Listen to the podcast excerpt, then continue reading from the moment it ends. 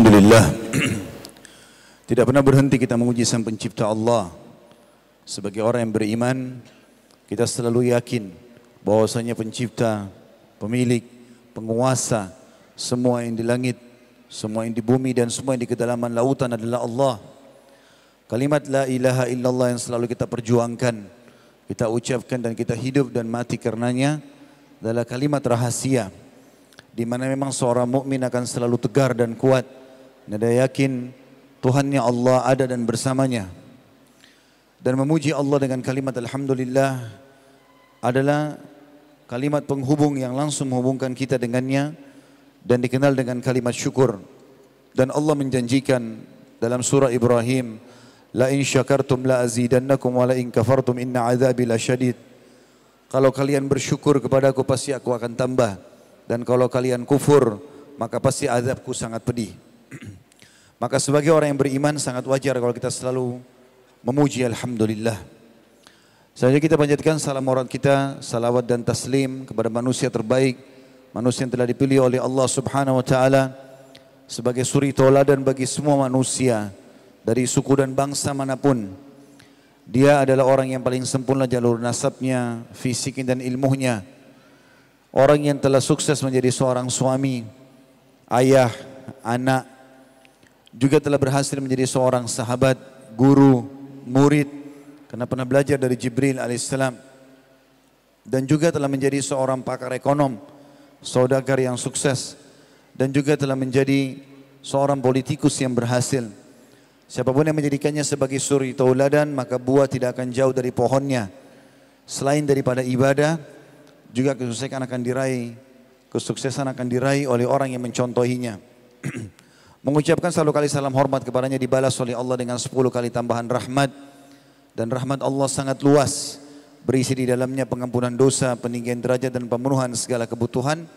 Maka setelah memuji Allah Alhamdulillah sangat wajar kalau kita selalu membacakan salawat dan taslim pada Nabi besar Muhammad sallallahu alaihi wasallam. Pertama-tama saya berterima kasih kepada semua jajaran dan pihak yang sudah menjadi penyebab acara ini. Dimulai dari jajaran pemerintahan, teman-teman pejabat dari Polres, juga pengurus masjid serta seluruh ikhwan dan akhwat sekalian, kaum muslimin dan muslimat. Saya hanya bisa mengucapkan jazakumullahu khairan. Semoga Allah membalas atas niat yang baik. Dan untuk pertama kali atau pertama kalinya kita atau pertama kita memulai pengajian ini dengan mengikhlaskan niat karena memang hanya dengan ikhlas sajalah seluruh amal akan diterima. Kalau tadi ada yang datang hanya karena diajak oleh temannya, hanya karena ingin mencoba mengetahui majelis ini atau hanya untuk meramaikan saja, maka ikhlasnya diubah atau niatnya diubah diikhlaskan karena Allah Subhanahu wa taala agar target majelis ilmu tercapai. Karena Nabi SAW sudah menjanjikan siapa yang keluar dari rumahnya tulus dan ikhlas mencari ilmu, maka dia diberikan pahala haji yang lengkap. Juga dalam hadis yang lain, dia di jalan Allah sampai dia kembali ke rumahnya. Serta dalam riwayat yang dikatakan pada saat bubar dari majlis, kalau dia ikhlas karena Allah, maka akan dikatakan oleh para malaikat pada saat mereka bubar, bubarlah dalam kondisi diampuni dosa-dosa kalian. Juga tentu uh, kami memohon maaf kalau sempat teman-teman sekalian menunggu, jemaah menunggu. Dan ini insya Allah menunggu di rumah Allah subhanahu wa ta'ala. Menunggu dalam majlis ilmu adalah ibadah. Semoga itu semua menambah uh, tambahan amal nanti ditimbangan amal pada hari kiamat. Judul kita pada hari ini orang mukmin yang kuat dan tegar. Sebenarnya judul ini beranjak daripada sabda Nabi Sallallahu Alaihi Wasallam. Saya bacakan dulu hadisnya, lalu kemudian beranjak dari situ kita akan merincikan insya Allah. Hadis dari Abu Hurairah radhiyallahu anhu dia berkata bahwasanya Rasulullah sallallahu alaihi wasallam bersabda al-mu'minul qawi khairun wa ahabbu ila Allah minal mu'minid dhaif wa fi kullin khair ihris ala ma yanfa'uk wasta'in billahi wa la ta'jaz wa in asabaka syai'un fala taqul law anni fa'altu kana kadha wa kadha walakin kul qaddarallahu wa ma syaa fa'al fa inna lau taftahu amal syaitan. Orang mukmin yang kuat itu jauh lebih baik dan lebih Allah cintai daripada orang mukmin yang lemah. Dan pada masing-masing dari mukmin yang kuat dan lemah itu ada kebaikan. Tamak dan rakuslah. Atau terjemahan lebih tepatnya adalah kejarlah sesuatu yang akan memberikan manfaat bagimu dan mohonlah pertolongan kepada Allah serta janganlah bersikap lemah. Apabila ada sesuatu yang menimpahmu dan sudah terjadi, maka janganlah engkau mengatakan kalau aku berbuat begini, pasti begini dan begitu. Akan tetapi katakanlah Allah telah menentukan dan apa saja yang Allah kehendaki pasti Allah perbuat. Karena sesungguhnya kata-kata kalau seandainya membuka pintu syaitan. Hadis ini diriwayatkan Imam Muslim di jilid 4 halaman 2052, tepatnya hadisnya nomor 2664 dan Ibnu Majah di jilid 2 halaman 1395 nomor hadisnya 4168. Hadis ini sangat mulia teman-teman sekalian dan menjadi sebuah kaidah penting dalam agama kita. Bahwasanya setiap muslim, mukmin yang telah yakin kepada Allah Subhanahu wa taala mereka harus menjadi orang yang kuat dan tegar. Dan kuat yang tegar ini dirincikan oleh para ulama dalam hadis ini dikatakan al-mu'minul qawi khairu wa ahabbu ila Allah minal mu'minul dhaif. Orang mukmin yang kuat jauh lebih baik dan lebih dicintai daripada Allah atau kepada Allah atau di sisi Allah daripada orang mukmin yang lemah. Dan yang makna atau dimaknakan kuat di sini dua. Yang paling dasar yang pertama adalah kuat secara keimanan. Makin kuat imannya, keyakinannya tentang keberadaan Allah, kemahakuasaan Allah, kemahaperkasaan Allah, dan Allah telah menakdirkan segala sesuatunya serta penuh keyakinan kalau semua kebaikan yang dia kerjakan akan ada balasannya, semua kejahatan juga akan dihukum dan di akhirat ada surga dan neraka, maka puncak keimanannya terpenuhi. Dan ini poin pertama dari sisi keimanan atau kekuatan seorang mukmin dinilai dari kekuatan keyakinannya. Dan ini saudaraku si iman tidak akan muncul dalam jiwa kita kecuali kita mendalami ilmu agama. Majelis ilmu seperti ini bertujuan utamanya meningkatkan iman. Makin kita lama duduk di majelis ilmu, makin banyak kita dengarkan ayat-ayat dan firman Allah, terjemahannya, kandungan maknanya, mendengarkan sabda-sabda Nabi Shallallahu Alaihi Wasallam, maka makin bertambah iman. Karena dalam pemahaman ahli sunnah wal jamaah, iman itu bertambah dengan ketaatan, berkurang dengan kemaksiatan. Kapan kita makin taat kepada Allah, kita coba buatkan program.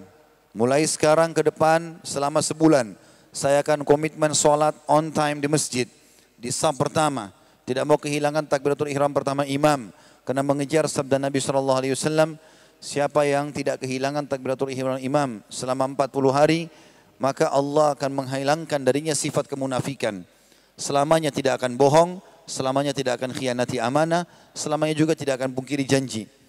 Komitmen mulai sekarang, puasa Senin Kamis saya harus jalan, apa pun rintangannya. Lalu kemudian dia mulai melakukannya. Mulai sekarang saya harus rutin bersedekah tiap hari, walaupun hanya dua ribu rupiah, sepuluh ribu rupiah, walaupun hanya sepotong roti. Rutinkan. Mulai sekarang saya akan baca 10 ayat Al-Quran. Karena memang mengejar sabda Nabi SAW sampai membaca 10 ayat Al-Quran dalam sehari, maka dia akan diberikan satu kintar. Dan satu kintar lebih baik daripada dunia dan seluruh isinya. Mulai hari ini saya akan lebih giat bakti dengan orang tua. Penuhi kebutuhannya, telepon tanyain kabarnya, minta didoakan. Mulai sekarang saya akan berteman dengan orang-orang saleh. Mulai sekarang saya akan selalu hadir dalam majelis ilmu. Mulai sekarang saya akan melakukan ini dan itu. Semuanya amal soleh diprogramkan. Dan tidak akan mungkin itu bisa terjadi kecuali teman-teman sudah memiliki ilmunya, belajar, kemudian kita programkan, dilakukan, dimulai, diterapkan. Karena iman itu akan datang dengan ilmu. Nanti akan kita lebih rincikan tentang masalah poin pertama ini berhubungan dengan dalil-dalil masalah keimanan. Saya masuk dulu yang dimaksud dengan yang kedua dari orang mukmin di sini yang kuat, lebih baik dan lebih dicintai oleh Allah adalah orang mukmin yang kuat secara fisik, jiwa, prinsip. Ya. Kalau ada orang mukmin, dua orang mukmin laki-laki, ya, A dan B. Si A dan si B ibadahnya bagus. Sama-sama komitmen sholat di masjid dan tadi program-program sedekah, zikir, bakti orang tua, jenguk orang sakit diprogramkan. Tapi si A badannya kekar, olahragawan, suka menjaga kesehatan fisiknya merawat. Sementara si B tidak, maka si A lebih baik daripada si B. Di sisi Allah subhanahu wa ta'ala. Karena memang kita diperintahkan di dalam Al-Quran untuk memiliki persiapan kekuatan secara fisik. Allah ceritakan atau menyampaikan dalam surah Al-Anfal tentang kewajiban setiap laki-laki mukmin terutama untuk menjaga kekuatan fisiknya. A'udzu billahi minasyaitonir rajim wa iddu lahum mastata'tum min quwwati wa min ribatil khair turhibuna bihi aduwallahi wa aduwakum. Selalulah punya persiapan secara fisik. Ya. Allah menyuruh itu. Wa iddu lahum persiapkan yang kalian miliki semampu kalian mastata'tum min quwwah dari kekuatan fisik kalian. Dari kekuatan prinsip, kekuatan jiwa, ya. Kekuatan uh, tekad apa pun yang kalian mampu untuk menghadapi dan menakut-nakuti musuh-musuh kalian, musuh-musuh Allah dan musuh-musuh kalian. Makanya Nabi SAW sangat peduli dengan masalah ini. Belum memiliki fisik yang kekar, yang kuat, dan beliau selalu memotivasi para sahabat. Beliau mengatakan ajarkan anak-anak kalian untuk berenang, memanah, melempar tombak, dan ajarkan mereka untuk menunggangi kuda, dan suruhlah mereka melompati kuda itu sementara kuda itu berlari. Nabi SAW bahkan memotivasi istrinya Aisyah radhiyallahu anha untuk berlari bersama-sama. Bahkan beliau mengajak istrinya untuk berlomba lari. Disebutkan dalam hadis Bukhari beliau berkata kepada para sahabat setelah pulang dari peperangan, jalanlah kalian duluan. Maka jalanlah semua para sahabat lalu Aisyah mengatakan Rasulullah SAW berkata kepada wahai Aisyah, berlomba larilah denganku. Maka kemudian aku pun mengalahkan Nabi alaihi salatu wassalam karena badannya masih ramping. Setelah beberapa waktu kemudian Nabi SAW berjalan berapa tahun, Nabi Nabi mengatakan lagi kepada Aisyah, marilah kita berlomba lari. Waktu itu kata Aisyah, badanku sudah gemuk. Maka aku pun dikalahkan oleh Nabi SAW dan Nabi mengatakan, wahai Aisyah, sambil tersenyum, ini balasan kekalahanku yang dulu. Jadi ada motivasi pun dengan istrinya untuk berolahraga. Beliau kalau melihat sahabat lagi kumpul, dan mereka lagi bergulat, lagi mengadu keterampilan-keterampilan mereka untuk berperang jihad di jalan Allah, maka Nabi SAW mampir bersama mereka. Dalam satu riwayat diceritakan bahwasanya Ali bin Abi Thalib radhiyallahu anhu pernah mengalahkan tiga orang sahabat dalam bergulat. Dan ini rumit sekali, susah. Karena gulat menguras tenaga. Tapi Ali bin Abi Thalib radhiyallahu anhu diberikan oleh Allah kekuatan maka dia bisa mengalahkan tiga orang sahabat. Maka Nabi alaihi salatu wasallam melihat Ali bin Abi Thalib lalu mengatakan kepadanya wahai Ali pergilah ke belakang bukit sana kau akan temukan orang yang mengalahkanmu maka pergilah Ali bin Abi Thalib karena penasaran ke belakang bukit yang ditunjuk oleh Nabi SAW. Maka dia mendapati di sana ada orang yang menggunakan imamah menutup alisnya ya, dan juga bagian hidungnya. Jadi cuma kelihatan kelopak mata. Kalau orang pakai tutupan wajah, Kemudian alisnya masih kelihatan, mungkin orang masih bisa mengenalnya. Tapi ini tidak dikenal. Lalu membuat lingkaran ring. Ya, kalau kita seperti ring sekarang, memberikan isyarat kepada Ali untuk masuk ke dalam ring. Maka masuklah Ali bin Abi Thalib, lalu terjadilah pergulatan. Dalam beberapa gerakan saja Ali bin Abi Thalib kalah. Sekali, dua kali, tiga kali, akhirnya Ali bin Abi Thalib mengakui kekalahannya. Lalu berkata, saya mengaku kalah. Tapi saya ingin mengetahui siapa kamu. Maka orang itu menarik cadar wajahnya ternyata dia adalah Rasulullah sallallahu alaihi wasallam. Nabi SAW ingin menghilangkan sifat sombong yang ada dalam diri Ali jangan sampai muncul. Bukan Ali bin Abi Thalib sombong, tapi tadi sudah mengalahkan sampai tiga orang, jangan sampai muncul sifat sombongnya. Maka Nabi SAW menghilangkan itu dengan cara menunjukkan kalau ada orang yang lebih kuat dari dia dan sekaligus mendidik dengan cara yang santun. Nabi SAW tidak menantang Ali di depan para sahabat yang lain, tapi mengajaknya ke tempat yang lain untuk memberikan pendidikan yang baik kepadanya. Juga Nabi SAW berkata kepada Sa'ad bin Abi Waqqas, melemparlah dan memanalah. Dan beliau mengatakan, sesungguhnya kekuatan itu ada di panahan. Dan terus saja Nabi SAW memotivasi para sahabat untuk melakukan kegiatan-kegiatan yang berhubungan dengan kekuatan fisik dan ini masuk dalam makna hadis ini. Masuk dalam makna hadis ini. Berarti memang penekanannya di dua poin di sini. Penekanan tentang masalah kekuatan keyakinan kepada Allah Subhanahu wa taala dan kekuatan secara fisik. Kalau seseorang muslim bisa menggabungkan keduanya, maka sangat luar biasa. Kata ulama hadis, makna hadis ini, al-mu'minul qawi khairu wa ahabbu ila Allah minal mu'minul dhaif. Orang mukmin yang kuat lebih baik dan lebih cinta dari Allah daripada orang mukmin yang lemah. Maksudnya kalau bertemu antara dua orang yang sudah bagus ibadahnya, tapi yang satu lebih kuat secara fisik, daripada yang lainnya, lebih banyak keterampilan-keterampilan yang dikuasai, lebih kuat prinsip dan tekadnya, maka lebih dicintai di sisi Allah Subhanahu wa taala. Dan makna dicintai teman-teman lebih banyak pahalanya. Allah memberikan tubuh kita ini rasa gerah supaya kita mandi dan merawatnya. Allah memberikan mata kita capek mengantuk untuk supaya kita istirahat. Allah memberikan kita rasa lapar supaya kita berikan makanan nutrisi tubuh ini. Allah memberikan rasa haus peringatan bahwasanya tubuhmu sedang butuh cairan dan seterusnya. Ini semua agar kita merawat. Kita juga sudah tahu kenapa jenazah teman-teman sekalian harus dimandikan, dibersihkan kotorannya. Padahal orang mati dimasukkan ke tanah akan dimakan oleh belatung-belatung tanah, ulat-ulat tanah. Itu semua karena fisik ini Allah amanahkan kepada kita untuk dijaga. Jadi orang mukmin kata ulama lebih jauh lagi daripada itu adalah orang yang faham bagaimana merawat fisiknya menjaga kebersihannya, kerapiannya, menjaga penampilannya, menjaga kedudukannya, menjaga wibawahnya, menjaga prinsip-prinsipnya, keterampilan-keterampilan semua dikuasai. Semampu dia, bahkan Umar bin Khattab radhiyallahu anhu mengatakan, kuasailah keterampilan-keterampilan semampu kalian, apa pun sifatnya, karena kalian akan membutuhkan itu. Kalian akan membutuhkan itu. Ya. Maka di sini teman-teman kita lihat Islam memotivasi kita untuk menjadi mukmin yang kuat dan tegar. Lalu pesan Nabi Wasallam di sini, saya lanjutkan dulu hadisnya, baru saya masuk rincian termasuk dalam masalah keimanan. Wa fi kullin khair dan keduanya ada kebaikan. Orang mukmin yang lemah secara fisik dan orang mukmin yang kuat secara fisik, kalau dua-duanya beriman, maka dua-duanya punya kebaikan. Karena pasti masuk surga dengan izin Allah kalau meninggal dalam keadaan iman tersebut. Tapi Nabi SAW ingatkan, di antara hal yang bisa menguatkan orang beriman adalah ihris ala ma yanfa'uk. Selalu jaga apa pun yang bermanfaat untukmu. Kata ulama hadis bermanfaat di sini adalah apa saja.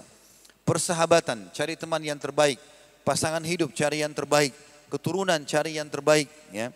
Bibitnya, jumlahnya, ya, kualitasnya. Cari yang terbaik pendapatan. Cari yang terbaik tunggangan, kendaraan cari yang terbaik tempat tinggal, semuanya harus yang terbaik. Dan kita kalau bersaing pada hal-hal yang merupakan nikmatnya Allah boleh, asal tidak diikuti dengan kesombongan. Ya. Kita kalau lihat hadis motivasi tentang hari Jumat, semua laki-laki muslim diperintahkan pakai baju bersih, pakai minyak wangi, bahkan dihubungkan itu dengan masalah pengampunan dosa.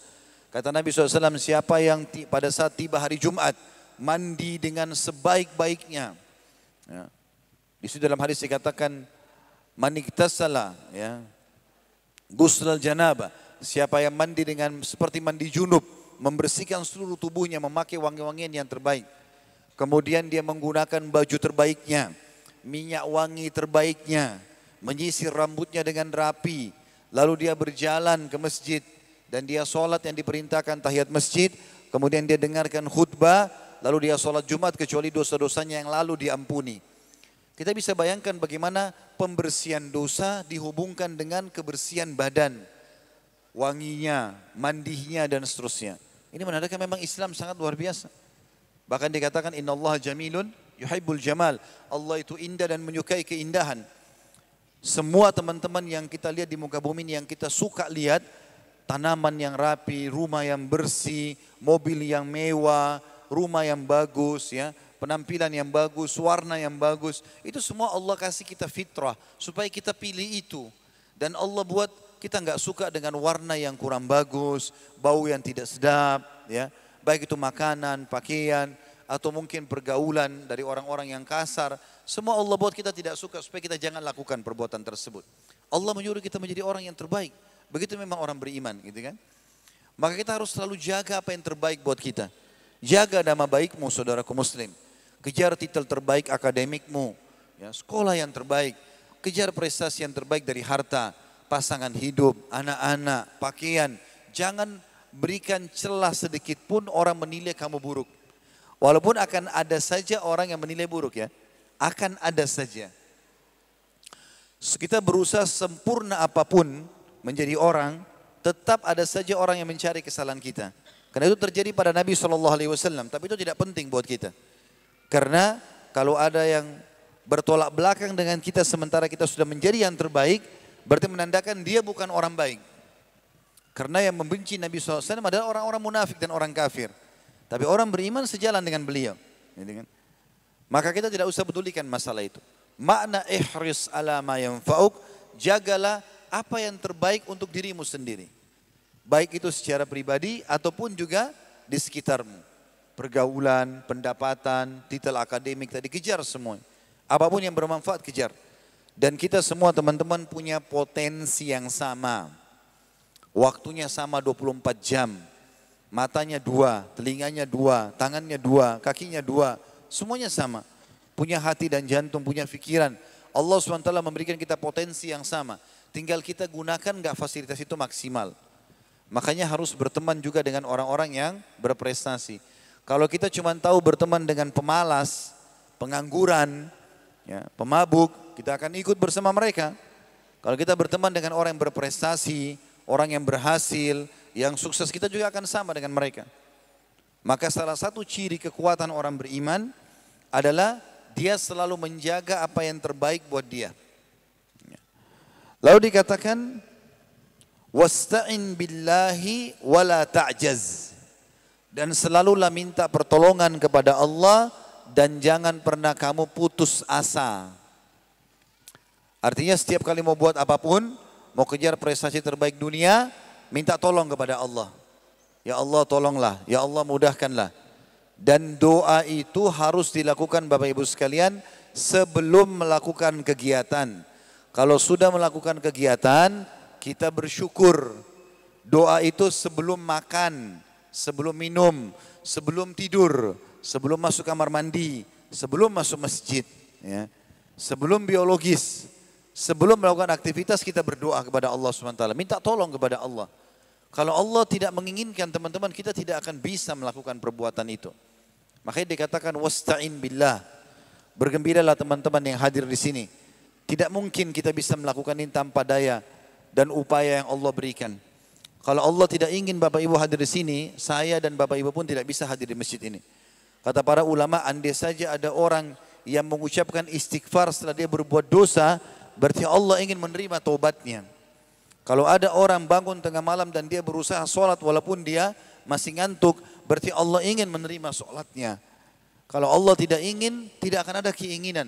Berapa banyak orang melewati masjid, dengar tahu ada pengajian, tahu ada kebaikan, ada orang miskin, dia tidak pernah melakukan apa-apa. Allah SWT tidak tolong dia untuk melakukan itu. Maka wasta'in billah, minta tolong kepada Allah. Dan konsep yang dasar, wala ta'jaz, jangan kau putus asa. Baru coba sekali berdoa, kayaknya Allah nggak terima nih, ya nggak bisa. La ta'jaz kata sebagian ulama hadis, jangan kau putus asa, Jangan kau berhenti ikhtiar, berdoa, berusaha sampai Allah kasih. Kalau sudah tertutup pintunya, barulah kemudian kamu jangan minta lagi. Sekarang yang masih muda-muda yang bujang, mau melamar seorang wanita. Kemudian pada saat melamar, mungkin masih ada keluarganya yang tidak setuju. Boleh nggak kita memulai lagi? Boleh, silahkan. Walaupun kita bisa pindah ke orang lain, tapi tidak usah putus asa kecuali dia sudah menjadi istri orang. Istri orang nggak boleh lagi dilamarkan. Hah? Ini kenapa masyarakat Sidrap senyap sekali. Kalau bukan ngantuk sekali, capek sekali, atau khusyuk sekali. Salah satunya.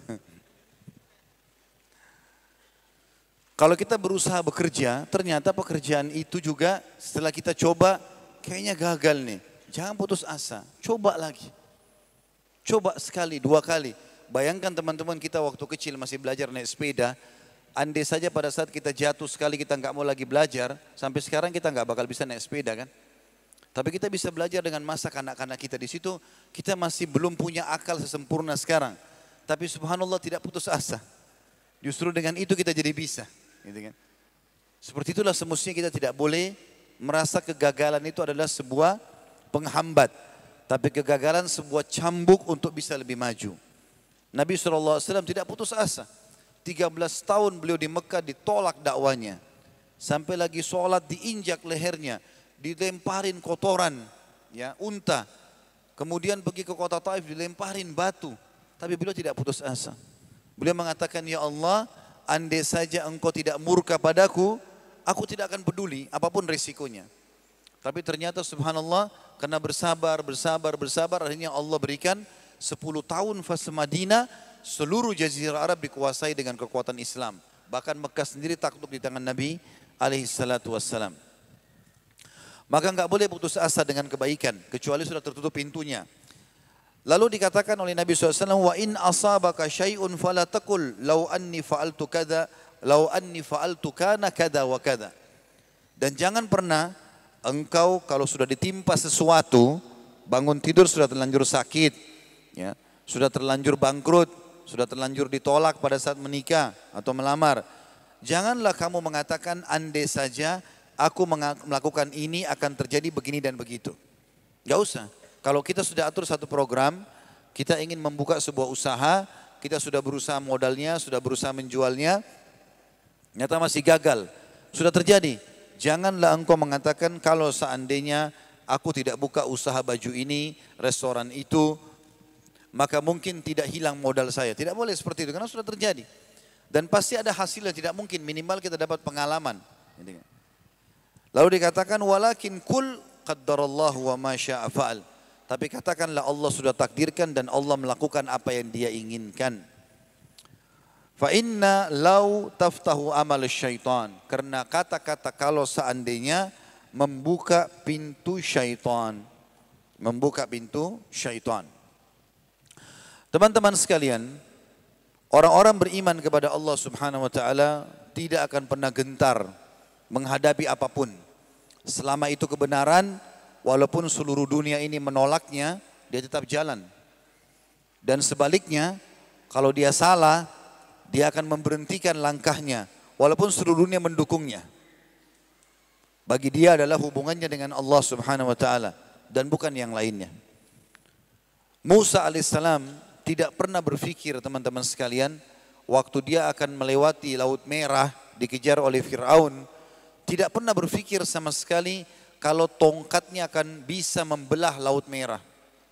Tidak pernah berpikir sama sekali. Kata ulama tafsir, Makna daripada firman Allah Subhanahu wa taala, pukulkanlah tongkatmu hai Musa ke laut merah itu maka dia akan terbelah ya.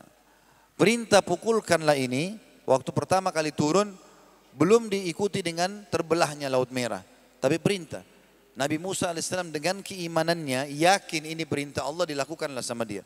Lalu terjadilah sesuatu yang sangat besar. Maryam alaihissalam tidak pernah berpikir waktu dia lagi hamil Allah Subhanahu wa taala suruh dia menggoncang pohon kurma. Ya, dia berpikir kalau dia sentuh pohon kurma tersebut, maka itu perintah Allah. Dilakukanlah sama dia, maka jatuhlah kurma-kurma yang banyak yang sudah matang di dekatnya yang mudah dia jangkau untuk dia makan. Dan begitulah sifat orang-orang beriman. Mereka berikhtiar, mereka berusaha dan tidak pernah putus asa. Allah Subhanahu wa taala berfirman dalam surah Al-Hujurat ayat 15. A'udzu billahi minasyaitonir rajim. Innamal mu'minuna alladhina amanu billahi wa rasulihi thumma lam yartabu wa jahadu bi amwalihim wa anfusihim fi sabilillah ulaika humus sadiqun. Sesungguhnya orang-orang beriman hanyalah orang-orang yang beriman kepada Allah dan Rasulnya. Lalu mereka tidak ragu-ragu. Apa pun yang disampaikan pasti benar Dijalankan, diyakini. Dan mereka berjihad dengan harta dan jiwa mereka pada jalan Allah mereka itulah orang-orang yang siddiq atau orang yang jujur. Termasuk salah satu kesempurnaan iman seseorang muslim dan apa pun yang dia minta Allah kasih kalau dia ikuti dengan satu kata kunci rahasia, keyakinan. Teman-teman kalau berdoa kepada Allah, mau tiga jam, empat jam, selama 24 jam seharian berdoa terus. Kalau tidak diikuti dengan keyakinan tidak akan diterima. Berdoa dengan beberapa saat saja tapi diikuti dengan keyakinan maka masuk dalam sabda Nabi sallallahu alaihi wasallam, "Ud'u rabbakum mukinuna bil ijabah fa inna Allah la yakbalu ad-du'a min qalbin ghafil." Berdoalah kalian dengan Tuhan kalian dengan penuh keyakinan akan diterima. Dan ya, sesungguhnya Allah tidak akan menerima doa dari hati yang lalai. Termasuk kesempurnaan iman teman-teman, tidak boleh kita ragu. Solat, kita sudah ikuti rukunnya, syaratnya. Kita sudah berusaha membaca surah yang kita pilih. Maka kita harus yakin sudah diterima oleh Allah subhanahu wa ta'ala. Kita sudah puasa, kita sudah haji, kita sudah zakat, sedekah. Semua yang kita kerjakan harus diikuti keyakinan asal sudah mengikuti syarat dan rukunnya diterima oleh Allah Subhanahu wa taala. Kalau teman-teman kerja di satu perusahaan, lalu teman-teman sangat yakin karena perusahaan ini benefit, pimpinannya atau pemiliknya juga orangnya jujur, dia kalau bicara nanti siapa di antara kalian wahai pegawai-pegawai semuanya yang datang on time, yang bekerja dengan baik, saya akan tambah gajinya akhir bulan. Saya yakin semua pegawai karena tahu ini pemilik perusahaan orang baik, orang jujur, dia yakin, maka dia akan kejar prestasi itu. Karena dia sangat yakin akan diberikan di akhir bulan. Begitulah banyak manusia alami pada saat dia berinteraksi dengan sama manusia. Padahal Allah subhanahu wa ta'ala lebih layak untuk kita yakini. Sebagaimana juga teman-teman harus yakin, jangan pernah ragu dalam masalah itu. Setiap orang-orang yang kafir, orang yang berbuat kesalahan, dihukum oleh Allah. Nggak ada keraguan dalam masalah itu. Sekarang atau nanti. Ya, sekarang ataupun nanti. Bahkan kata Nabi SAW, kalau seandainya kalian melihat nikmat Allah melimpah pada seorang hamba, sementara dia dalam kemaksiatan kepada Allah, maka ketahui itu tahapan siksaan. Ya, semua umat-umat sebelum kita yang dihancurkan oleh Allah, semuanya tidak terkecuali. Kaum Lut, kaumnya Nabi Lut, kaum Ad, kaumnya Nabi Hud, kaum Thamud, kaumnya Nabi Saleh, Fir'aun, kaumnya Nabi Musa, Namrud, ya, kaumnya Nabi Ibrahim, semuanya. Pada saat mau meninggal dunia, itu mereka dilimpahkan kenikmatan yang banyak. Tiga hari sebelum mereka binasa, badan mereka tambah sehat, mereka lebih gembira dari sebelumnya, ternak-ternak mereka makin banyak, eh, tanaman-tanaman mereka makin subur, mereka tambah lalai. Karena Allah subhanahu wa ta'ala ingin membinasakan mereka. Jadi orang kalau dalam kemaksiatan itu lagi terancam sebenarnya. Lagi terancam akan dihukum oleh Allah subhanahu wa ta'ala. Hanya Allah maha kuas rahmatnya.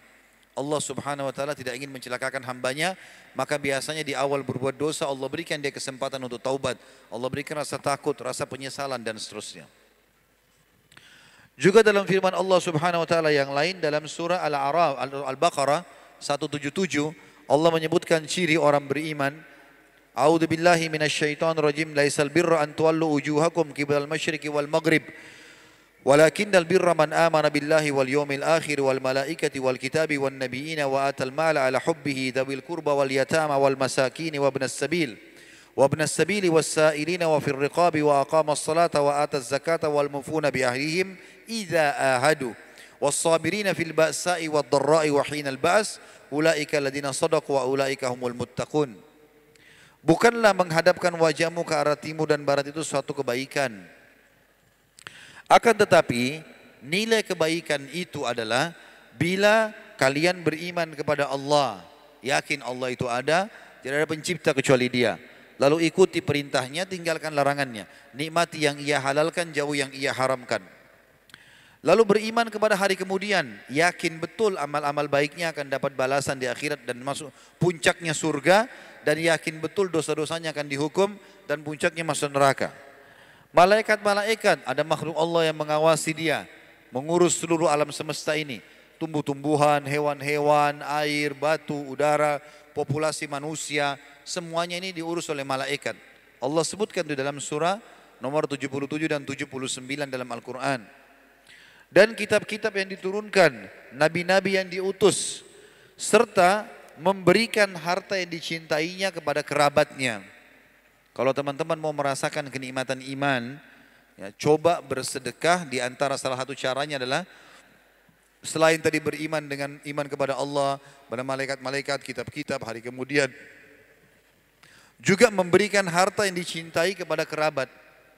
Coba bersedekah dengan sesuatu yang paling teman-teman sukai. Apa pun sifatnya. Ada pakaiankah, makanankah, hartakah, yang terbaik keluarkan di jalan Allah Subhanahu wa taala. Dan yang biasa saja dikonsumsi. Makanya pernah Aisyah radhiyallahu anha diberikan oleh Nabi SAW satu ekor kambing. Lalu Nabi SAW bilang, bagi-bagikanlah. Maka Aisyah pun radhiyallahu anha membagi-bagi hampir seluruh kambing tersebut dan Aisyah meninggalkan paha bagian depannya kambing tersebut yang dimasakkan untuk Nabi Shallallahu Alaihi Wasallam. Niatnya Aisyah baik sekali radhiyallahu anha. Bagaimana suaminya mendapat makanan favoritnya. Dan Nabi SAW sangat senang dengan paha kambing. Maka waktu Nabi SAW datang lalu Nabi SAW tanyakan, bagaimana dengan kambing muhai Aisyah? Kata Aisyah ya Rasulullah, aku telah membagi-bagikan ya, seluruhnya dan tersisa pahanya. Kata Nabi SAW terbalik. Mestinya kau katakan telah tersisa semuanya kecuali pahanya. Karena apa yang kau berikan kepada orang lain wahai Aisyah itu yang tersisa dan kekal selamanya di sisi Allah sementara apa yang kita makan akan habis menjadi kotoran. Maka teman-teman coba berikan yang terbaik yang kita miliki.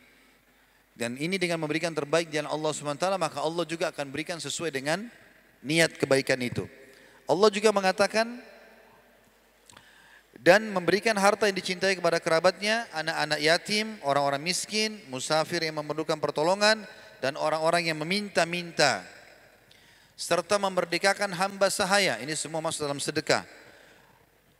Semua ini dianjurkan untuk diberikan, ya, dibagi-bagi kepada kaum kerabat dan yang selain kerabat.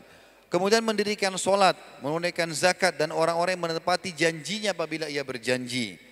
Dan orang-orang yang sabar dalam kesempitan, penderitaan dan dalam peperangan. Mereka itulah orang-orang yang benar imannya dan mereka itulah orang-orang yang bertakwa. Artinya tolok ukur seseorang mukmin itu kuat secara iman adalah bagaimana dia melakukan perintah-perintah Allah Subhanahu wa taala. Sebagaimana disebutkan tadi rincian ayat Al-Baqarah 177. Selain beriman kepada Allah, dia bersedekah untuk semua orang yang memang membutuhkan atau tidak membutuhkannya diberikan. Bebasin budak, dia rutinkan sholatnya, tunaikan zakatnya, menepati janji-janjinya. Dan orang yang sabar dalam kesempitan. Kesempitan di sini maksudnya adalah pada saat dia sempit secara harta, penderitaan, banyak cobaan-cobaan yang datang dan juga dalam peperangan. Mereka itu dianggap orang-orang yang beriman sebenarnya. Juga ciri orang beriman teman-teman sekalian dan ini hanya dirasakan pada saat teman-teman sampai pada titik keimanan tertentu. Tidak semua bisa dirasakan. Jadi makin sering kita dekatkan diri kepada Allah SWT dan kita selamatkan diri dari dosa. Misal teman-teman praktek dalam satu minggu ke depan, kita hanya tugasnya ya membuat program ibadah dan tutup semua keran-keran kemaksiatan dengan cara kita. Kita lebih tahu mana dosa yang sedang kita lakukan, ditutup semuanya. Maka nanti akan dirasakan setiap kali disebut nama Allah, kalau sudah sebulan, apalagi sudah setahun atau hitungan tahun, maka tersentuh hati kita. Tersentuh dalam mengingat Allah, bisa menangis kalau dibahas tentang surga dan neraka. Ya, kita tersentuh kalau mengingat dosa-dosa kita dan kita takut masuk ke neraka. Allah menyebutkan dalam surah Al-Anfal ayat 2 dan ayat 4. A'udzu billahi minasyaitonir rajim. Innamal mu'minuna alladziina idza dzukirallahu wajilat qulubuhum wa idza tuliyat 'alaihim ayatuhu zadatuhum imanan wa 'ala rabbihim yatawakkalun. Alladziina yuqimuna as-salata wa mimma razaqnahum yunfikun ulaika humul mu'minuna haqqan lahum darajatun inda rabbihim maghfiratun wa rizqun karim. Sesungguhnya orang-orang yang beriman itu yang bisa menambah kekuatan imannya dan lebih dekat kepada Allah adalah mereka apabila disebut nama Allah niscaya gemetarlah hati mereka. Dan ini tidak bisa teman-teman kalau masih ada pintu dosa yang dibuka. Sulit sekali kita untuk menangis. Nah, kalau hati itu sudah sangat keras, naudzubillah, penuh dengan kemaksiatan, fenomena apa pun di depan mata terjadi tidak akan tersentuh. Tapi kalau seseorang itu hatinya lembut dan lembutnya ini karena jauh dari kedua kemaksiatan, penuh dengan ibadah, maka secara otomatis gemetar hatinya. Ya. Dalam sebuah hadis Bukhari yang lain menjelaskan hadis ini, kalau seseorang hamba berbuat satu kebaikan, maka diteteskan dalam hatinya satu cahaya, satu tetes cahaya. Kalau dia buat lagi ketaatan, dikasih lagi satu tetes. Kalau dia buat lagi ketaatan, dikasih lagi satu tetes sampai hatinya penuh dengan cahaya yang terang benderang dan kalau hatinya sudah terang benderang kata Nabi SAW maka dia akan bisa mencahayakan orang lain. Sebaliknya, Kalau dia berbuat kemaksiatan, Allah tutupkan atau teteskan satu titik hitam. Kalau dia ulangi lagi titik hitam, kalau dia ulangi lagi titik hitam, sampai kalau hatinya sudah hitam semuanya, maka akan mengeras seperti batu. Allah katakan dalam Al-Baqarah, au asyaddu qaswah atau bahkan lebih keras daripada batu itu. Biar orang tabrakan depan matanya, terjadi gempa bumi, longsor, tsunami, gak ada tersentuh hatinya. Gak ada sama sekali keinginannya untuk tobat kepada Allah SWT karena hatinya sudah keras. Dikatakan sungguhnya orang-orang yang beriman adalah apabila adalah orang-orang apabila disebut nama Allah niscaya gemetar hati mereka. Dan apabila dibacakan kepada mereka ayat-ayatnya niscaya bertambahlah iman mereka dan kepada Rob mereka mereka bertawakal menyerahkan urusan. Yaitu orang-orang yang mendirikan solat dan menafkahkan harta sebagian rezeki yang kami berikan kepada mereka. Subhanallah saya lihat ini dua hal hampir umumnya ayat selalu dihubungkan dengan ini ya. Kalau bukan Allah mengatakan wa aqimus shalah wa atuz zakat, dirikanlah salat, keluarkan zakat. Atau Allah bilang seperti ayat ini, dirikanlah salat dan menginfakkanlah apa yang kalian diberikan rezeki oleh Allah. Jadi teman-teman, dua ini kata sebagian ulama adalah kata kunci yang paling cepat mendatangkan keimanan kita. Salat tepat waktu, setelah sudah tepat waktu kemudian menjaga semua kehusuannya, rukun-rukunnya, syarat-syaratnya, lalu dikuatkan dengan sholat-sholat sunnah dan bersedekah, berinfak, maka itu adalah puncak daripada cara yang paling cepat mendatangkan keimanan. Ya. Kemudian dikatakan, itulah orang-orang yang beriman dengan sebenar-benarnya, mereka akan memperoleh beberapa derajat ketinggian di sisi Rob mereka, ampunan serta rezeki ya, yang mulia. Maka makin kuat keimanan seorang mukmin, semakin kuat pula keinginannya dan bertambah dalam mengerjakan kebaikan dan berdekatan diri kepada Allah Subhanahu wa taala. Ia berpuasa di siang hari, bangun di malam hari, membaca Al-Qur'an, memerintahkan kepada kebaikan dan mencegah dari kemungkaran, bersabar terhadap kesulitan. Semua itu karena Allah Subhanahu wa taala dan dia selalu berkumpul dengan orang-orang saleh, senantiasa menolong mereka, bersikap aktif dalam majelis-majelis ilmu yang memahamkan agamanya dan juga memperlihatkan kelemahannya yang perlu diperbaiki. Hatinya artinya dia berusaha kalau ada yang kurang dia katakan sama temannya nasihati saya. Saya masih suka begini dan begitu. Hatinya terkait dengan masjid-masjid yang keramaiannya disaksikan dengan keimanan. Semua itu adalah tanda-tanda keimanan seseorang. Dalam beribadah juga teman-teman sekalian, Allah Subhanahu wa taala masih memberikan kita keringanan. Mana keringanan di sini teman-teman? Artinya lakukan semampu kita. Bukan berarti Allah motivasi kita tadi kerjakan semua ibadah itu. Berarti kita harus paksakan. Bahkan tidak ada waktu lagi buat diri kita sendiri istirahat. Buat keluarga kita, istri dan anak. Bukan seperti itu. Kita dengarkan bagaimana keluhan Amr bin As radhiyallahu anhu. Beliau mengatakan, dahulu aku berpuasa setahun lamanya, tiap hari. Mau Ramadan bukan Ramadan, 365 hari puasa semua. Dan membaca Al-Quran setiap malam berusaha menghatam 30 juz setiap malam. Boleh jadi saya laporkan kepada Nabi SAW. Atau Nabi SAW mengirim utusannya kepadaku. Lalu aku pun mendatanginya. Artinya gini, dia lalu kemudian melaporkan kejadian ini kepada Nabi SAW. Ya Rasulullah, saya sepanjang tahun puasa terus. Setiap malam tahajud, bahkan menghatam 30 juz Al-Quran. Perhatikan apa respon Nabi SAW. Beliau lalu bersabda kepadaku, Tidakkah aku diberitahu bahwasanya kamu telah puasa selama setahun dan membaca Al-Quran setiap malam? Maka aku menjawab, betul wahai Rasulullah atau wahai Nabi Allah. Dan dengan itu semua tidaklah aku menginginkan apa pun kecuali kebaikan. Kata Amr bin As, semua itu karena aku ingin aku mencapai tingkat keimanan tertinggi. Maka Nabi SAW mengatakan, sungguhnya cukuplah bagimu untuk berpuasa selama tiga hari dalam sebulan. Puasa Iyamul Bid. Saya berkata wahai, wahai Nabi Allah, sungguh eh, aku berkata wahai Nabi Allah, sungguh aku mampu melakukan lebih daripada itu. Maka Nabi SAW bersabda, sungguhnya istrimu itu punya hak atas kamu. Dan orang yang menziarahimu menjadi tamu juga memiliki hak atas kamu. Dan badanmu memiliki hak atas atas dirimu.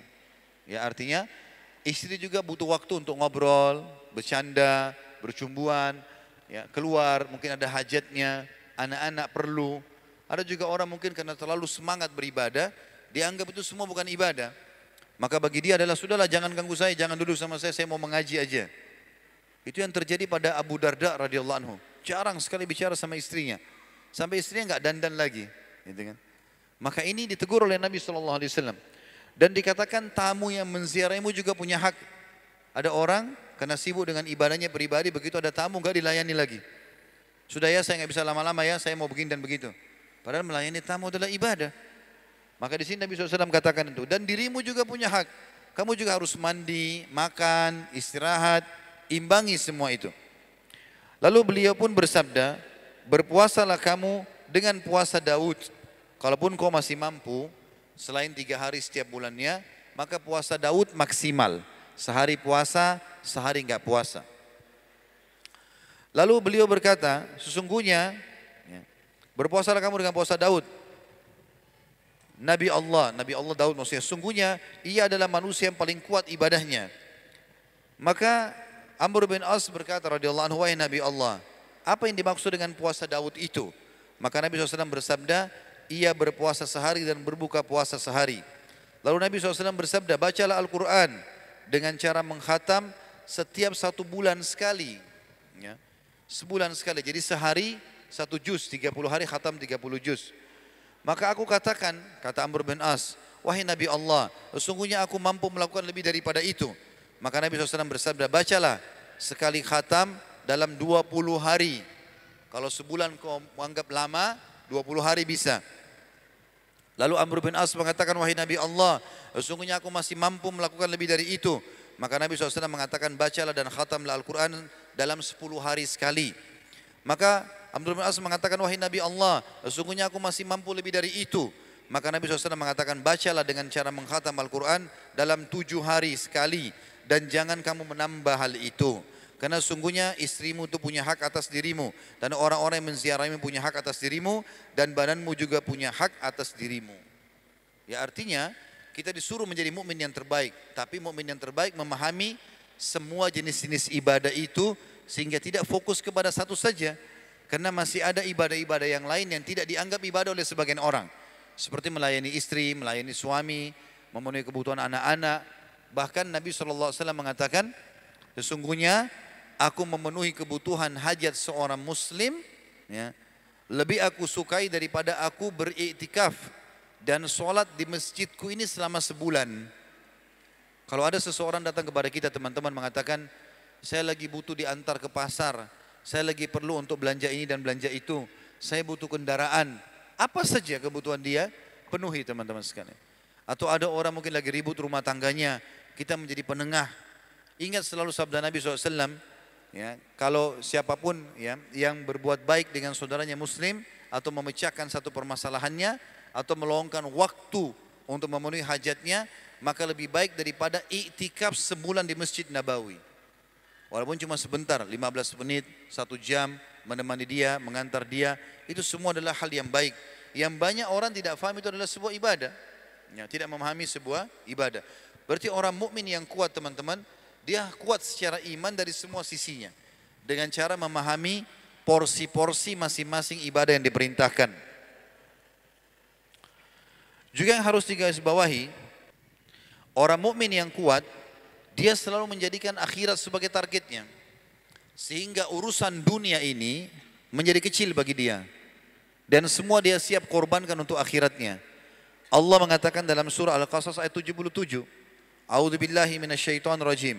Wabtaghi fi ma ataka Allahu daral akhir wa la tansa nasibaka minad dunya wa ahsin kama ahsanallahu ilaik wa fasada fil ard innallaha la yuhibbul mufsidin. Dan carilah Kejarlah yang terbaik yang Allah janjikan dan anugerahkan di akhirat nanti dari surga. Dan jangan lupakan bagianmu dari dunia. Silakan nikmati dunia, tapi ingat ini cuma miniatur saja. Ini cuma gambaran kecil dari akhirat. Maka kejar yang terbaik di akhirat sana. Tunggangi duniamu untuk akhiratmu. Dan berbuat baiklah kamu sebagaimana Allah telah berbuat baik kepadamu. Allah telah berikan kau fasilitas makanan, minuman, pakaian, semua fasilitas pendengaran, penglihatan, tangan, kaki, semua ini mahal sekali teman-teman. Tidak akan mengetahui nikmat nilai sebuah nikmat kecuali orang yang telah kehilangan nikmat itu. Nikmat mata ini teman-teman coba bayangkan kalau kita tutup mata kita sekarang sejenak beberapa menit saja. Dan kita bayangkan kalau kita nggak punya mata. Kita buta seperti itu, tidak bisa lihat selamanya. Lalu kita buka mata ini, Lalu kita sekarang bisa lihat, oh masjid ini warnanya hijau ya. Oh orang di sebelah saya ini warna kulitnya begini. Oh mobil itu warnanya ini. Kita masih bisa bedakan ini merah, ini orange, ini hijau, ini biru, ini putih. Sebuah nikmat yang tidak ada nilainya. Sampai dikatakan dalam sebuah riwayat yang sahih, ada orang yang menyembah Allah 500 tahun. Ya, orang zaman sebelum kita. Kemudian nanti dia meninggal kata Nabi SAW, Allah bilang, masukkan hambaku ini ke dalam surga dengan rahmatku. Maka dia bilang, ya Allah amalku. 500 tahun tidak pernah maksiat, ibadah terus. Kata Allah SWT, masukkan dia ke dalam surga dengan rahmatku. Dia bilang, amalku ya Allah, sampai tiga kali. Maka Allah SWT berkata kepada para malaikat, coba timbang seluruh amalnya hambaku ini dengan nikmat matanya saja. Begitu ditimbang, ternyata semua amalnya tidak ada nilainya tanpa matanya. Belum pendengaran. Kita bisa bayangkan kalau kita tutup kedua kuping kita dan kita tidak bisa dengar apa-apa. Sekarang kita bisa bedakan ini suara bising, ini suara lembut, ini suara teman yang saya kenal, ini suara anak. Ini sebuah nikmat yang luar biasa. Ya, bisanya lidah kita membedakan, oh ini manis, ini asam, ini pedas dalam waktu seketika. Hidung kita juga bisa membedakan ini bau wangi, bau busuk. Tangan kita dalam seketika, tangan kita bisa membedakan ini kasar, ini lembut, jari-jari masih bisa berfungsi, tubuh kita masih pencernaannya masih bisa mencerna makanan, kemaluan kita masih berfungsi, alhamdulillah ya mana saatnya kita mengeluarkan air seni, mana saatnya kita mengeluarkan sperma, juga kita mengangkat kaki-kaki masih bisa berfungsi. Ini nikmat yang luar biasa. Makanya Allah bilang, berbuat baiklah kamu, patuhilah Allah sebagaimana Allah telah berbuat baik kepadamu. Dan jangan pernah kau membuat kerusakan di muka bumi. Gak usah menjadi orang-orang yang mengganggu orang lain. Gak usah.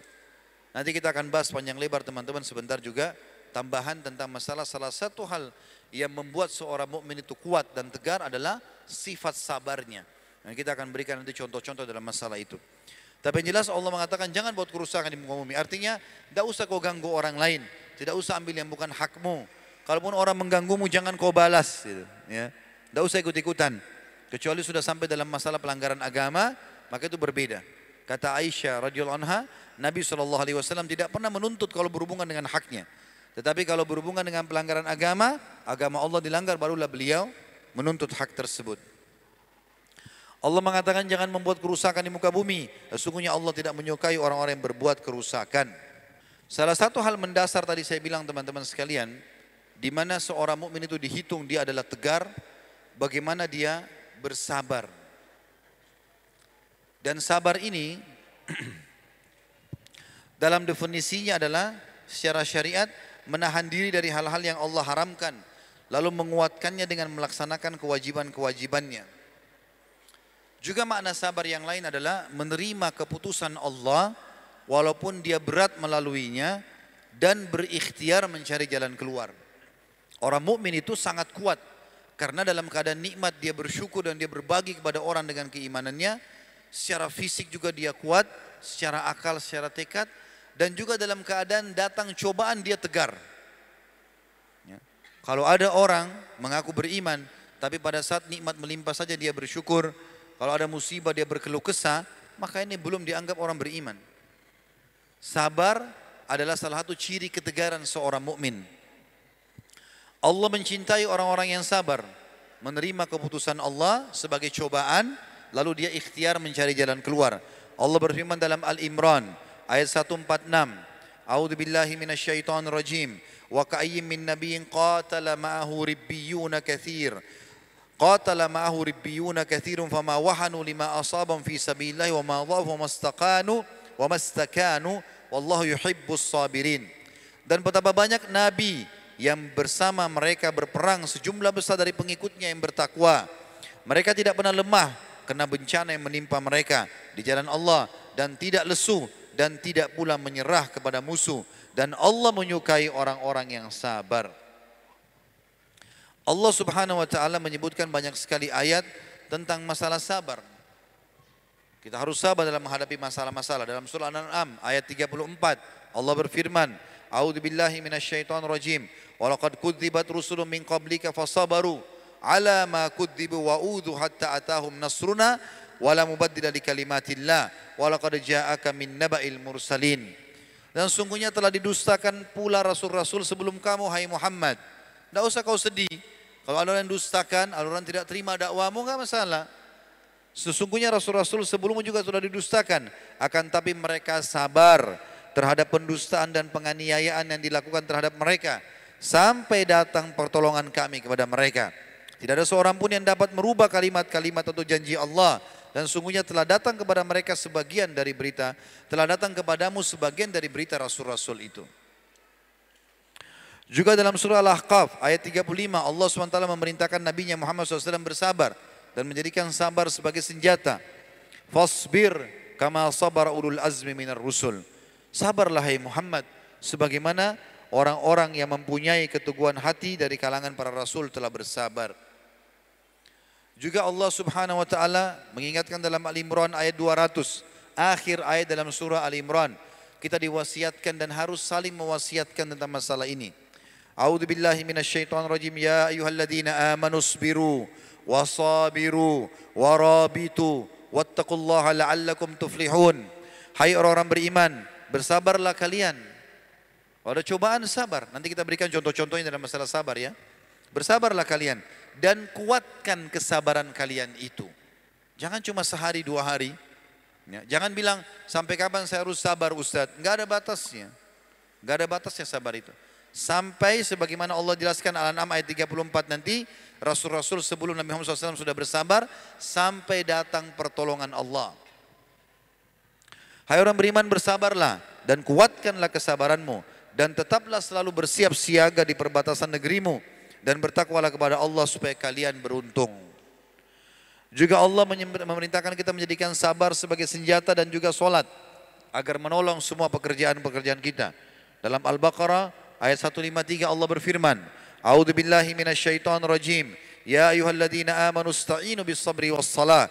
Innallaha ma'as sabirin. Hai orang beriman, jadikanlah sabar dan salat sebagai penolongmu. Sesungguhnya Allah beserta orang-orang yang sabar. Orang yang bersabar teman-teman, kalau dia sampai pada puncak kesabarannya, Allah akan berikan kepada dia kedudukan yang tinggi.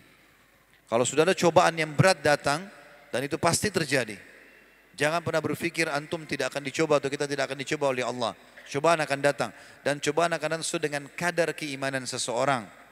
Ya kata Nabi SAW, sesungguhnya orang yang paling berat siksaan atau cobaannya, cobaannya bukan siksaannya, cobaannya adalah para nabi-nabi. Lalu datang setelahnya orang-orang yang imannya mendekati iman para nabi, kemudian datang setelahnya orang-orang yang mendekati itu semua sesuai dengan kadar imannya. Jadi makin tinggi iman seseorang makin berat cobaannya dan cobaan ini tujuannya untuk memberikan bonus yang besar. Ya.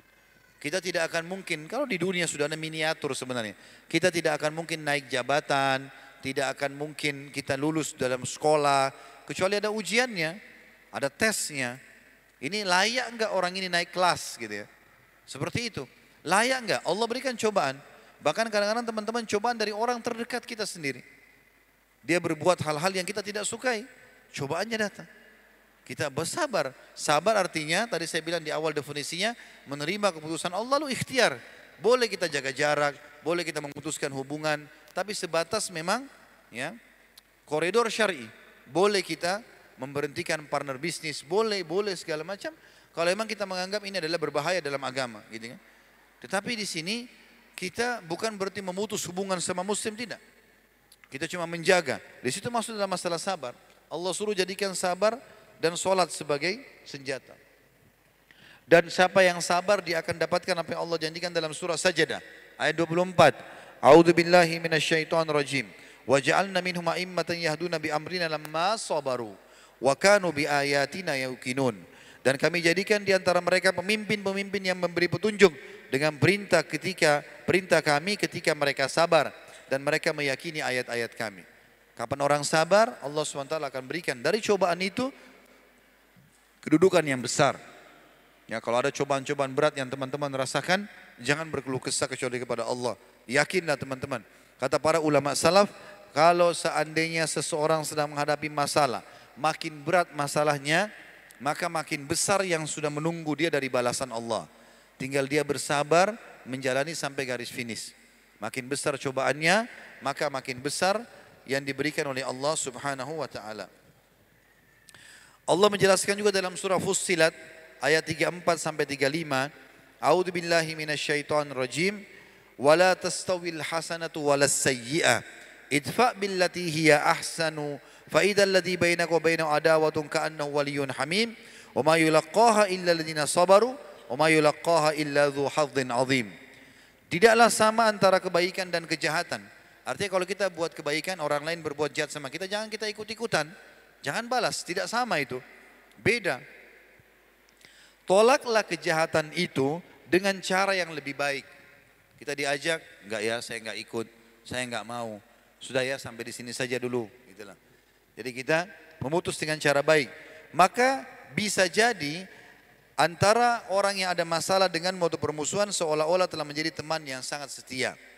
Sifat-sifat yang baik ini tidak dianugerahkan melainkan kepada orang-orang yang sabar dan tidak dianugerahkan melainkan kepada orang-orang yang mempunyai keberuntungan yang besar. Jadi Allah Subhanahu wa taala banyak sekali ayat-ayatnya memotivasi kita agar bersabar.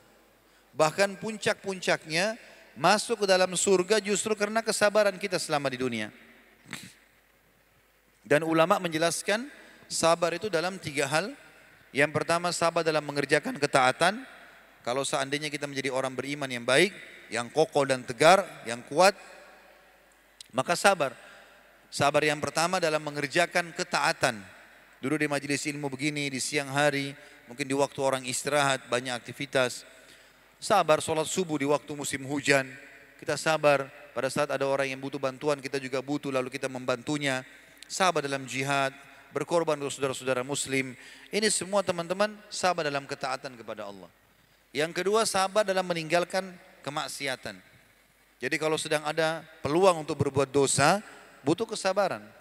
Tidak ada orang di antara kita teman-teman tidak terlintas kesempatan untuk berzina, untuk berbohong, untuk menipu. Semua kita punya peluang.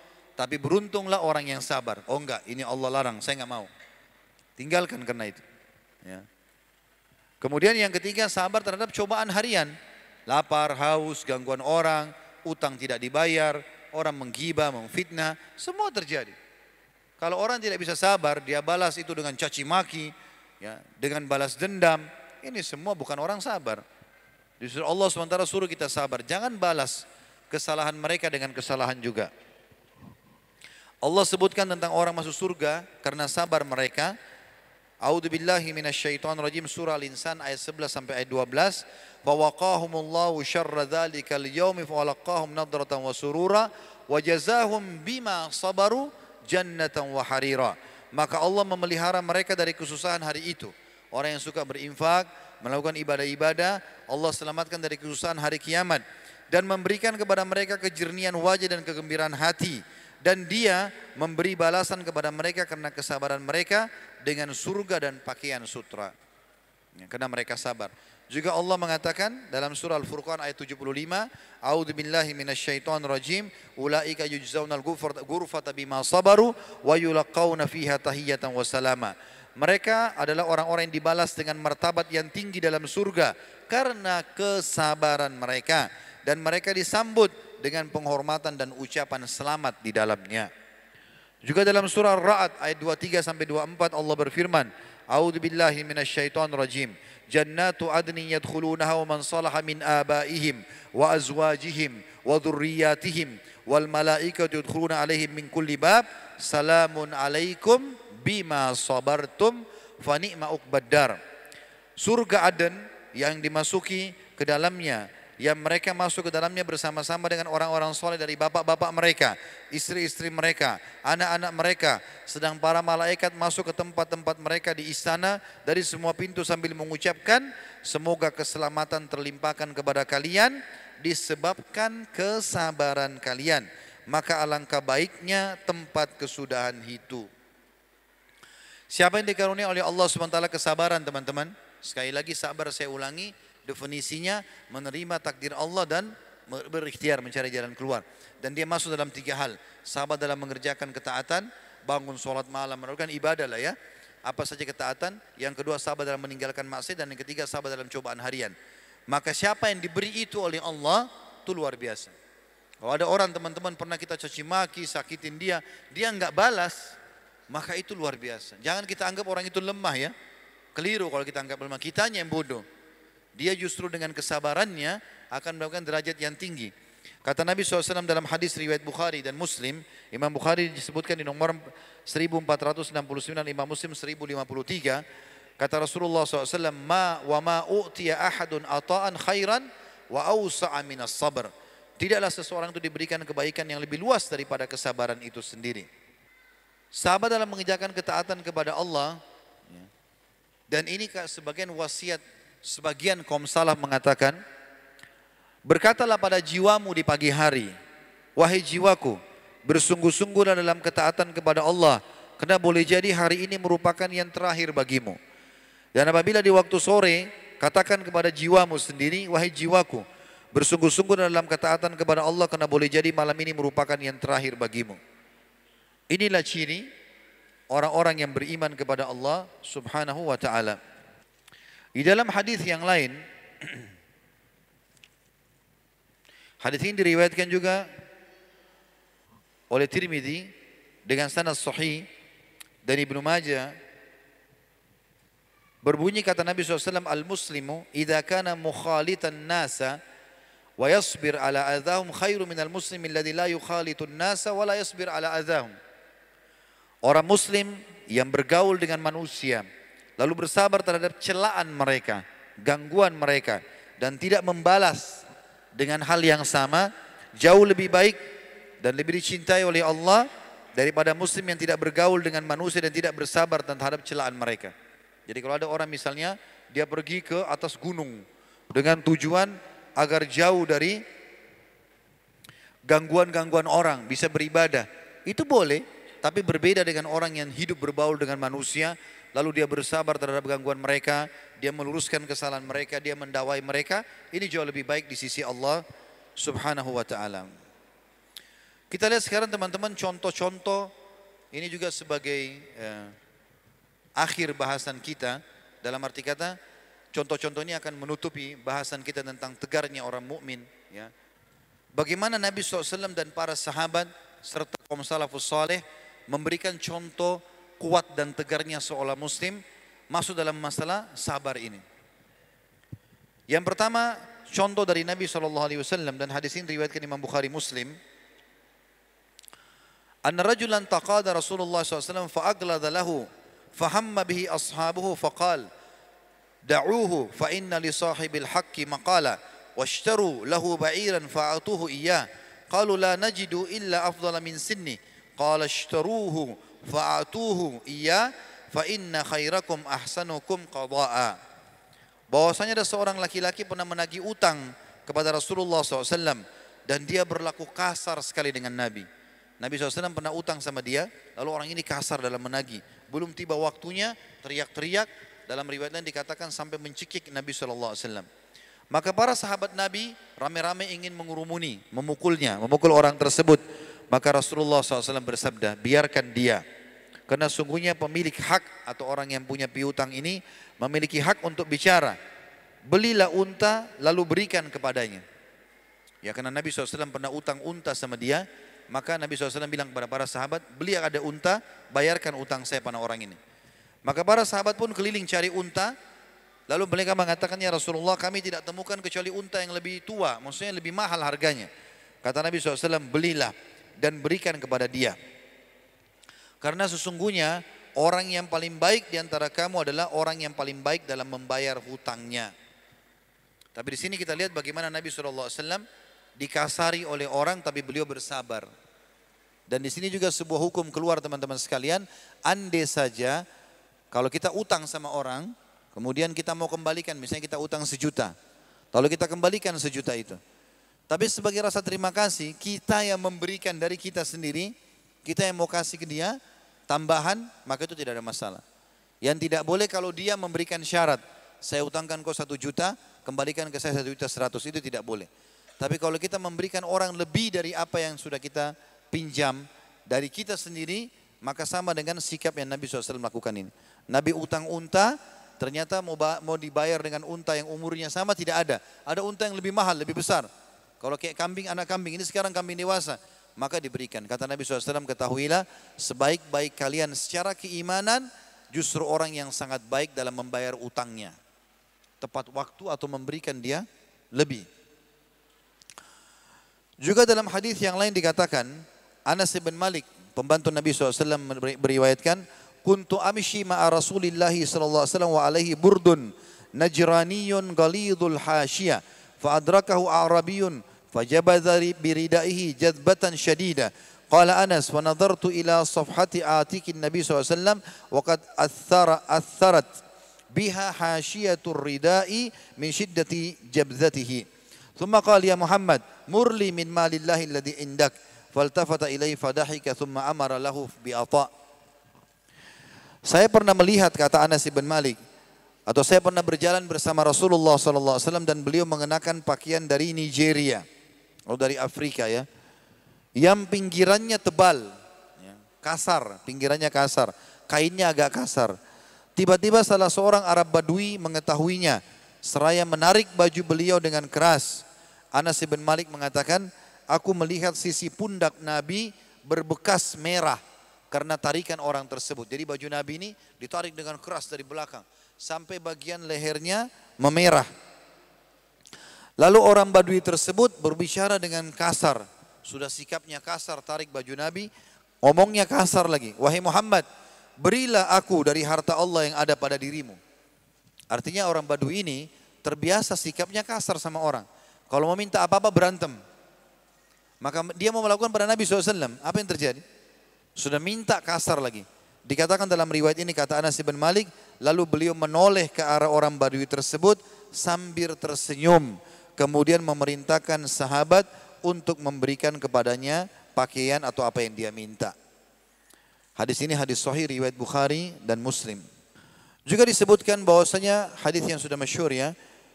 Ada pernah pendeta Yahudi lewat dan mengatakan kepada Nabi SAW, Assam alaik.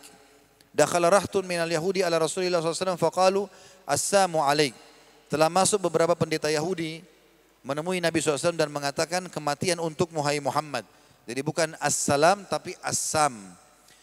Fafahim tuha, lalu aku pun memahami apa yang mereka ucapkan kata Aisyah radhiyallahu anha. Fakultu alaikumus wal la'nah. Maka aku pun berkata kepada para pendeta Yahudi tersebut, kematian buat kalian dan laknat. Faqala Rasulullah SAW, mahlan ya Aisyah. Maka Nabi SAW berkata kepada Aisyah, tenanglah wahai Aisyah. Fa inna Allah yuhibbur rifqa fil amri kulli. Allah suka kelembutan dalam setiap perkara. Fakultu ya Rasulullah, awalam tasma' ma qalu. Wahai Rasulullah, tidakkah anda dengar apa yang mereka ucapkan? Mereka bukan bilang assalamu alaikum. Tapi mereka mengganti lamnya alif, lam, sin, lam, alif dengan mim. Lam alif ini diganti. Assalam jadi assam. Ya, diganti lamnya menjadi alif saja. Kalau assalam keselamatan, assam kematian. Maka kata Nabi SAW, bukankah kau telah mendengar apa yang aku jawab? Aku telah menjawab, faqad qultu lahum, ya, Rasulullah SAW, faqad qultu lahum wa alaikum. Aku telah menjawab dengan kalimat wa alaikum. Keperkasaan teman-teman, kejantanan terutama bagi laki-laki di sini bukan justru dengan emosional, teriak-teriak, marah-marah, banting ini, ya, pukul sana, pukul sini bukan dengan itu. Justru keperkasaan itu dinilai kalau orang bisa tenang dan mengontrol emosinya. Kata Nabi SAW dalam hadis riwayat Bukhari Muslim, "Laisa syadidu bis sur'ah, innama syadidu alladhi yamliku nafsahu indal ghadab." Bukanlah orang yang kuat itu adalah orang yang jago berkelahi, suaranya keras, berteriak-teriak. Namun sungguhnya orang yang kuat adalah orang yang bisa menahan diri ketika dia marah. Ada hadis lagi yang lebih mulia ya, dalam masalah ini terutama bagi laki-laki. Ini hanya dengan menahan emosi, balasannya Allah dengarkan dari Nabi SAW. Ini emosi kalau kita lagi marah dan kita mampu melampiaskan tapi kita nggak mau lampiaskan, setiap kali terjadi itu kita akan dapat balasan yang luar biasa. Kata Nabi SAW dalam hadis, "Man kadhama ghaidhan wa huwa yastati'u an yunaffidha, da'ahu Allahu yawmal qiyamah ala ru'usil khalaiki hatta yukhayyiru fi ayyil huri sya. Fi ayyil huri sya. Barang siapa yang mampu menahan amarahnya, padahal dia bisa melampiaskannya. Dia marah sama istrinya, marah sama anaknya, marah sama temannya. Dia mampu, dia benar. Maka pasti Allah akan memanggilnya pada hari kiamat nanti di hadapan makhluk-makhluk hingga dipersilahkan baginya untuk memilih bidadari yang ia kehendaki. Ya, selain daripada istri-istrinya di surga, bidadari yang sudah ada, ditambah lagi bidadari untuk melayani kebutuhannya di surga nanti hanya dengan menahan emosi yang dia bisa lampiaskan. Ada sahabat pernah bertanya, hadis itu hadis sahih riwayat Tirmidzi dan juga Abu Daud dan Ibnu Majah.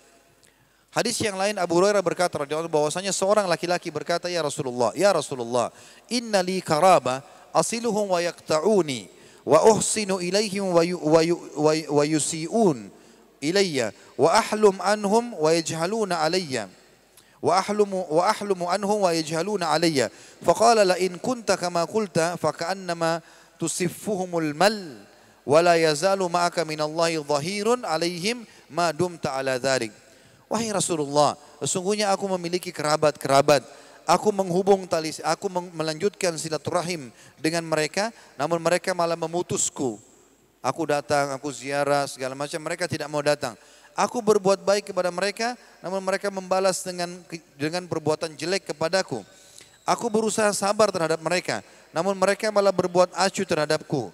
Maka Rasulullah SAW bersabda, sesungguhnya jika kamu benar sebagaimana yang telah kamu katakan, maka seakan-akan kamu telah memberi makan debu kepada mereka dan kamu senantiasa mendapat pertolongan dari Allah dalam menghadapi mereka selama kamu tetap berbuat demikian.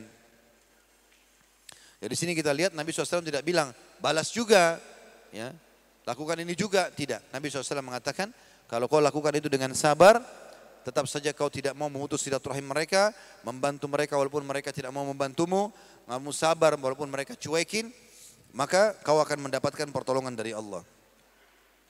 Ibnu Abbas berkata radhiyallahu anhuma, ini hadisnya panjang saya langsung baca terjemahnya saja. Suatu ketika Uyainah bin Hasan mendatangi Hudzaifah bin Yaman. Lalu singgah di putra saudaranya Al-Hur bin Qais. Ia adalah salah satu orang yang dekat dengan Umar. Dan dia termasuk para qurra atau ahli Al-Quran. Yaitu orang-orang yang senantiasa bermajlis dan bermusyawarah dengan Umar. Baik yang tua maupun yang muda usianya. Uainya lalu berkata kepada putra saudaranya, wahai putra saudaraku, apakah kamu mempunyai tempat di hadapan Amir ini? Mintalah izin bagiku agar bisa menemuinya. Maka putra saudaranya berkata, saya akan meminta izin kepada Umar agar kamu dapat menemuinya. Ibnu Abbas berkata, maka Al-Hur meminta izin untuk Uyainah. Lalu Umar pun mengizinkannya masuk. Ketika Uyainah masuk dan menemui Umar, ia tiba-tiba berkata, Wahai Ibnu Khattab. Jadi Uyainah ini kebetulan orang dari padang pasir ya. Ngomongnya kasar. Wahai Ibnu Khattab, demi Allah, engkau tidak memberikan kepada kami harta yang banyak dan tidak melaksanakan hukum di antara kami dengan adil. Maka Umar beda dengan Nabi SAW. Umar sempat marah. Gitu kan? Maka Umar pun marah sehingga berkeinginan untuk memberikan pelajaran kepada orang tersebut. Lalu Al-Hur, salah satu dari hafid Quran, berkata kepada Umar wahai Amir Mukminin, ya. Sesungguhnya Allah Subhanahu wa taala telah berfirman kepada nabinya. Nah, ini disebutkan dalam Al-Qur'an yang bunyinya A'udzu billahi minasyaitonir rajim, khudil afwa wa'mur bil wa'arid anil jahilin. Selalulah memaafkan ya. Allah mengatakan kepada nabinya, jadilah engkau pemaaf dan suruhlah orang mengerjakan yang ma'ruf serta berpalinglah dari orang-orang yang bodoh. Maka berkata Al-Hur tentang sepupunya sendiri yang bernama Uyainah, "Wa inna hadza minal jahilin." Wahai Amir Mu'in Umar, ini orang yang ngomong sama Anda dengan kasar, orang bodoh seperti yang Allah bahasakan. Kalau dia faham hukum agama dia enggak akan berkata kasar begini. Wallahi ma jawazaha Umar hina talaha alaihi wa kana waqafan inda kitabillah. Maka tiba-tiba emosi Umar diberhentikan oleh dirinya maka dia berhenti, dia tidak mau melampiaskan sementara kitabullah ditilawakan dan dia selalu bisa menerima apa yang dibahasakan dalam Al-Quran. Artinya dia selalu menerima masukan dari Al-Quran. Umar bin Khattab berkata, barang siapa yang bertakwa kepada Allah, maka dia tidak akan mendapatkan kemarahan Allah. Kalau dia berusaha bertakwa kepada Allah, patuh, dia tidak akan dapat murkanya Allah. Dan barang siapa yang takut kepada Allah, maka dia tidak akan berbuat sesuai dengan kehendaknya. Maksudnya dia pasti menjaga, mengontrol. Dan kalau bukan pada hari kiamat, karena hari kiamat akan datang, sungguh tidaklah sabar diusahakan sebagaimana apa yang kalian lihat. Kalau seandainya tidak ada surga, nggak ada hisab hari kiamat, maka kita tidak butuh sabar. Tapi karena itu ada, maka kesabaran dibutuhkan. Luqman al-Hakim yang masyhur dalam surah Luqman ya, orang soleh. Pernah berkata kepada anaknya, wahai anakku, janganlah kamu hilangkan kemuliaan wajahmu. Maksudnya kedudukanmu, jangan kau hinakan dirimu. Dengan meminta-minta dan mengemis. Dan janganlah kamu kalahkan kemarahanmu dengan membuka aibmu sendiri. Fahamilah kemampuanmu, niscaya kehidupanmu akan bermanfaat bagimu. Artinya, hadapi semua itu dengan kesabaran agar kamu jangan salah dalam melangkah. Sekarang teman-teman kita lihat bagaimana ada kurang lebih lima kisah saja. Saya ringkaskan kisah ini tentang orang-orang soleh yang menghadapi permasalahan-permasalahan dengan sabar. Kalau tadi sudah contoh dari Nabi SAW, sekarang kita lihat Ibnu Abbas radhiyallahu anhu sahabat Nabi yang mulia, dia dengan ayahnya sahabat Nabi dan ini sepupu Nabi juga. Pernah satu kali lewat lalu dicaci maki oleh seseorang yang tidak jelas. Orang itu berkata, kau ini mengaku sepupu Rasulullah, kau ini mengaku orang yang saleh, sahabat Rasulullah, gitu kan? Kau jangan sombong, jangan begitu dan begitu. Ibnu Abbas dengar saja, enggak dijawab sama sekali. Didengar saja. Karena dia punya ilmu dia tahu. Ini cobaan lagi datang. Tugas saya sabar. Dia dengarin sampai selesai. Setelah selesai, ada muridnya Ibnu Abbas namanya Ikrimah. Ikrimah ini adalah orang yang terkenal sekali dengan kesolehannya dan murid langsungnya Abdullah bin Abbas. Ibnu Abbas berkata, wahai Ikrimah, coba tanyakan orang ini. Waktu dia tanya, kamu sudah selesai? Kata Ibnu Abbas, orang itu bilang, iya sudah. Maka Ibnu Abbas kembali kepada muridnya di sebelahnya, coba tanya orang ini, ada hajatnya enggak? Kalau ada, berikan kepada dia. Penuhi hajatnya. Lalu Abdullah bin Abbas pun jalan. Maka orang itu pun dalam kisah dikatakan menundukkan kepalanya karena malu. Ya, jadi subhanallah kalau kita lihat dua orang lagi bertengkar, orang yang suka teriak-teriak di antara salah satunya kita dari jauh walaupun kita belum tahu siapa benar siapa salah, kita akan anggap orang yang marah-marah itu pasti yang salah. Dan yang diam itu pasti orang yang baik. Seperti itulah. Yang satu lagi atau kisah yang kedua teman-teman Muawiyah radhiyallahu anhu sahabat Nabi yang mulia, salah satu penulis wahyu Nabi SAW pernah dikatakan kepadanya, ya, ucapan kasar dikatakan kau tidak memimpin yang benar karena dia menjadi dia selama 20 tahun menjadi gubernur negeri Syam dan 20 tahun menjadi khalifah, 40 tahun jadi pemimpin. Ya, ini luar biasa dengan keadilan dengan luar biasa. Tapi ada saja orang yang caci maki dia. Waktu dicaci maki, maka orang-orang di sekitarnya bilang, bagaimana kalau anda menghukumnya? Maka kata Muawiyah, sungguh aku malu jika kesabaranku menjadi sempit karena seseorang dari rakyatku. Artinya tidak perlu aku marah dengan itu. Dia mengucapkan kata-kata ya sudah, yang penting saya tidak lakukan selesai. Tidak perlu saya balas dengan menghukumnya. Pernah juga ada seseorang datang kepada Abu Dhar, ini kisah yang ketiga, sahabat Nabi yang mulia. Abu Dhar radhiyallahu anhu didatangi oleh seseorang, lalu orang itu sengaja subhanallah, bayangkan kisah ini unik ya. Sengaja datang dan mematahkan kaki kambing kesayangannya Abi Dhar. Jadi ada kambing kesayangan Abi Dhar radhiyallahu dia datang di depan Abi Dhar, ditangkap kambing itu, dipatahkan kakinya di depan Abi Dhar. Lalu Abi Dhar bertanya, kenapa kau lakukan ini? Dia bilang apa?